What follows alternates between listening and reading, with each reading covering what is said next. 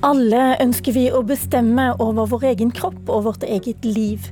Men er det like naturlig at vi også skal bestemme når livet skal ta slutt? Synet på aktiv dødshjelp er et av eh, flere områder må vi si, som deler partiet Venstre i to. Vi skal komme tilbake til de andre sakene, men starte denne morgenen med store spørsmål om liv og død. I går gikk partileder Trine Skei Grande ut i Vårt Land med en klar advarsel til sine partifeller. De kan ikke si ja til en stat som tar liv av borgere. Men eh, det kan altså tydeligvis du si ja til, Sondre Hansmark. Du er leder i Unge Venstre Venstre og tilhører flertallet i prinsipprogramkomiteen som åpner for aktiv dødshjelp. Hvorfor er det riktig at en stat skal kunne ta livet av sine borgere? Jeg mener Det finnes to grunner til at det er noe som er riktig å gå inn for. Og Den ene er prinsipiell, og den andre er pragmatisk. Og Den prinsipielle begrunnelsen for aktiv dødshjelp er jo nettopp det at altså for Unge Venstre sin del så er det viktig at folk skal få bestemme mest mulig over sitt eget liv, mest mulig over sin egen kropp. At man skal få lov til å ta egne avgjørelser i livet. Og Det må også gjelde i livets siste dager og timer. Og Det betyr også retten til å avslutte livet, og hvordan man skal avslutte livet. Og Den andre begrunnelsen, den pragmatiske, den handler nettopp om de tilfellene vi kan lese om i avisene hvert eneste år. Triste historier med mennesker som går døden i møte med stor usikkerhet og store smerter. Folk som enten må reise til utlandet for å få avsluttet livet sitt, eller ta sitt eget liv her hjemme i Norge. Eh, som, som, gjør at jeg mener at det å, det å legalisere eutanasi eller aktiv dødshjelp vil være en håndstrekning til folk som går døden i møte med stor usikkerhet og store smerter. Men dere skriver også, dette flertallet i prinsipprogramkomiteen som du tilhører, altså dere skriver også at det skal være strenge forutsetninger for å få denne hjelpen til å avslutte livet sitt. Hva forutsetninger ser du for deg? Altså, nå har ikke vi diskutert akkurat hvilke forutsetninger vi skal ha, for dette er et prinsipprogram og vi åpner opp for selve prinsippet om å få lov til å be om å få avslutte sitt eget liv. Men så har vi diskutert noen, noen sånne begrensninger som kan være mulig å se på senere.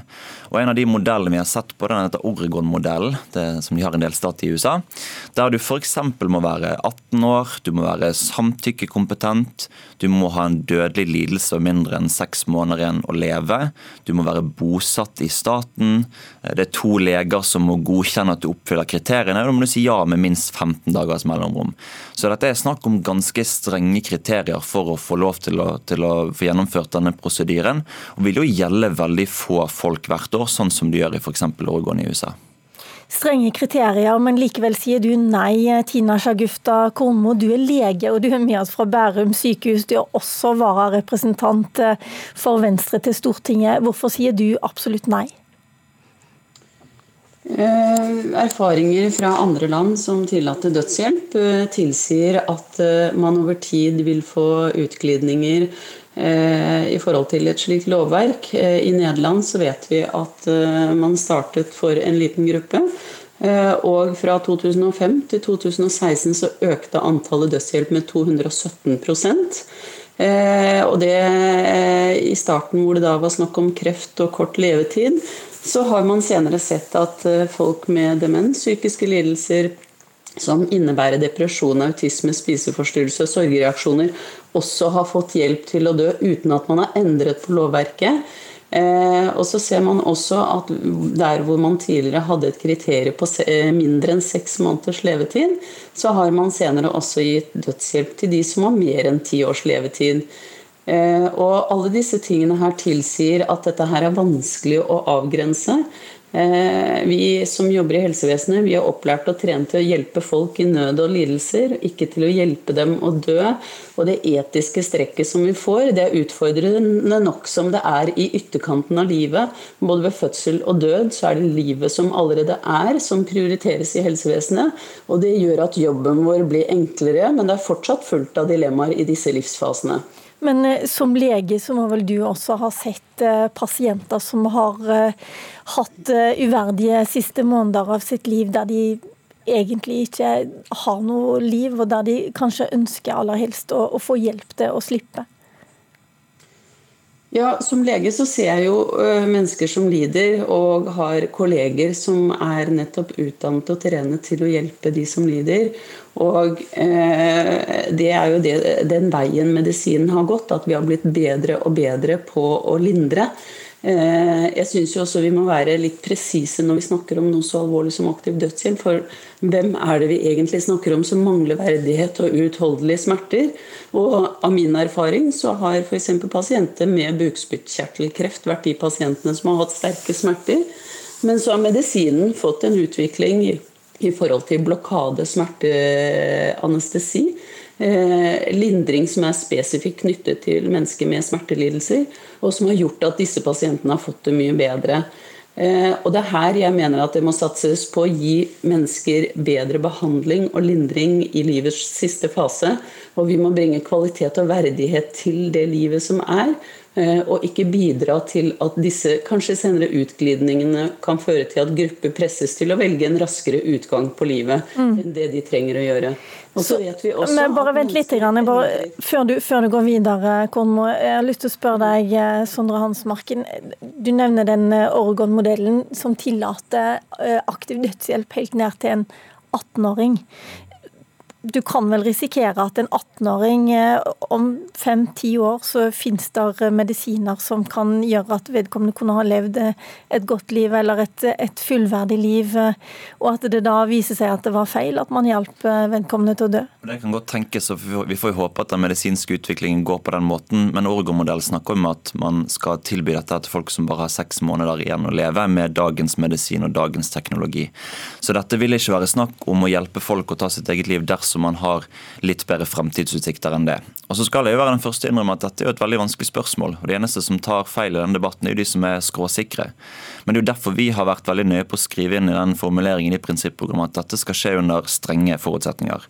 Så må man huske på at eutanasi det handler ikke om et valg mellom liv og død, sånn som noen kan få det til å fremstille som. Det handler jo, mellom, det handler å velge mellom to forskjellige måter å dø på. Og Senest i fjor så kunne vi lese om en, en kvinne i avisen som hadde skrevet leserinnlegg til Dagbladet eh, bare noen dager før hun hadde tenkt å ta sitt eget liv. Og ba norske politikere og norske myndigheter om å tillate aktiv dødshjelp, sånn at hun kunne få en mer verdig måte å dø på. For hun opplevde det som, som veldig skummelt å skulle gå en terminal kreftsykdom i møte uten å ha kontroll over sin egen kropp, uten å ha kontroll over hvilke smerter hun ikke møter. Og Det å tillate aktiv dødshjelp er jo nettopp å ta disse menneskene på alvor. Det handler om å sette mennesket foran systemet. Og Det er klart at det finnes utfordringer med eutanasi. Men jeg har troen på at hvis vi klarer å regulere dette på en streng måte sånn at Vi har, altså vi har eksempler på at det går an. Jeg ønsker ikke å kopiere det regelverket som de har i Nederland og Belgia. Det er ikke den type regelverk vi snakker om. Vi snakker om å innføre ganske strenge kriterier for at man skal få innvilget dette. Vi snakker om muligheten for at helsepersonale skal få lov til å reservere seg mot disse typer handlingene. Og jeg tror at vi kan gjennomføre dette på en god måte her i Norge, og ikke få sånne type utglidninger som de har hatt i Belgia og Nederland. Hvordan hjelper det ikke deg at helsepersonell, leger som deg sjøl, kan eh, få en mulighet til å reservere seg? Eh, reservasjonsretten er ikke noe svar på et dilemma. Eh, vi vet jo veldig lite om de påkjenningene som eh, det påfører helsepersonell det å utføre aktiv dødshjelp. Men du vet også at en del leger og helsepersonell ønsker mm. den, den, muligheten til å hjelpe folk? Jo, men vi vet likevel veldig lite om langtidseffektene for disse som jobber med det. Og dessuten så er reservasjonsrett vanskelig, fordi vi har i deler av Norge så har vi ikke nok leger kanskje til å fylle et sånt sånt behov. Eh, og så tenker jeg at eh, det at flertallet av norske leger er bekymret for denne ambivalensen i det å både være livshjelper og presumptiv dødshjelper, det er noe som man skal ta på alvor. Eh, både leger og sykepleiere er skeptiske, og det er ikke fordi man ikke ønsker å gi god kvalitet eller trygghet eller god behandling. Det er nettopp fordi at det er der man ønsker å ha fokuset på selve livet, på å gi trygghet, på å gi lindring, slik at utgangen blir så trygg og god som mulig. Og På Ahus for eksempel, så har de et veldig godt utviklet palliativt team, som også sørger for at pasienter kan være hjemme i siste fase av livet, smertefritt. Jeg fikk selv erfare det på skuddårsdagen da min tante døde, hvor palliativt team var involvert, og hun hadde en smertepumpe og sovnet rolig, trygt og stille inn. Og Det er der vi må ha fokuset, nemlig på å bruke og utvikle det avanserte, tilrettelagte tilbudet som vi har for lindring ved livets slutt. Ok, Sondre Hansmark, dere prøvde å få til dette på landsmøtet i Venstre for to år siden også. Tror du det er større muligheter eh, i år for å få gjennomslag på landsmøtet? Vi får håpe det. Vi ser jo at en del fylkeslag nå har sagt uh, ja til, til å vurdere dette her. Og så var det jo uh, en, en, splittet landsmøte sist, i 2017. Uh, og jeg skjønner jo at dette vekker, vekker, sterke følelser hos folk. Det er en veldig viktig og vanskelig sak for oss som er liberale opptatt av selvbestemmelse over egen kropp. Men jeg håper på at vi får gjennomslag på årets landsmøte. En av dem som står på din side i denne saken er Sveinung Rotevatn, som du og Unge Venstre har ment burde bli ny partileder. I dag så skal valgkomiteen i Venstre møtes for å diskutere hvem som skal sitte i eh, partiledelsen. Du sitter også i den valgkomiteen. Jobber du fortsatt for Rotevatn som leder? Jeg sitter i valgkomiteen, så jeg skal ikke si så veldig mye om eh, de interne prosessene der, men Unge Venstre har levert sine innspill til, til valgkomiteen. Og eh, dagens meningsmåling for NRK og Aftenposten viser igjen et Venstre på totallet. Dere har ikke vært eh, over sperregrensa nå på halvannet år. Jeg lurer på, Du har vært en av de som tar til orde for en fornyelse i partiledelsen. Kan det, er det eneste måten å komme over sperregrensen på? Nå skal det sies at Vi har vokst et prosentpoeng på meningsmålingen den siste måneden, så det ser jo litt lysere ut enn det. Men det er klart at hele partiet har jo nå skrikt på en form for fornyelse. Og det har vi også til dels fått med nye statsråder og yngre statsråder og, og folk som er liberale og grønne. Eh, men det er klart at eh, vi har jo et parti som er nødt til å gjennomgå en liten forandring i måten vi kommuniserer til velgere på, i hvilke profiler vi har, i hvilke aldersgrupper vi henvender oss til. Så vi har en fornyelsesjobb å gjøre. Eh, det høres ut som om Sondre Hansmark er litt eh, begrensa i det han kan si her eh, akkurat nå, Lars Nehru Sand, så jeg venner meg til deg som NRK-kommentator. Det har ikke gått veldig bra for Venstre på meningsmålingene, til tross for at Venstre nå sitter i den drømmeregjeringen som de ønsker seg. Hva er grunnen til det? Det viser jo at eh, Venstres krise er mer sammensatt enn et spørsmål om å gå inn i regjering eh, eller ikke, eh, som jo først var situasjonen deres. Mer sammensatt enn om man regjerer sammen med Frp eller ikke. Og det handler nok heller ikke om hvem som er leder i partiet isolert sett. Venstre har over lang tid, som du nevnte, slitt med å komme seg over sperregrensen. Det siste døgnet har det blitt publisert tre meningsmålinger hvor Venstre er under sperregrensen på alle. Så det at eh, norsk politikk ble ganske ny forrige måned, det har ikke hjulpet Venstre. Har du noen eh, formening om hvordan kandidatene ligger an når valgkomiteen i Venstre møtes eh, i dag? Det jobbes jo fortsatt i kulissene for å bytte ut Trine Skei Grande med enten Sveinung Rotevatn eller Abid Raja. Sånn som jeg ser det, og det mine kilder har sagt de siste ukene, er at det er vanskelig å samle valgkomiteen om å kaste Trine Skei Grande mot hennes vilje.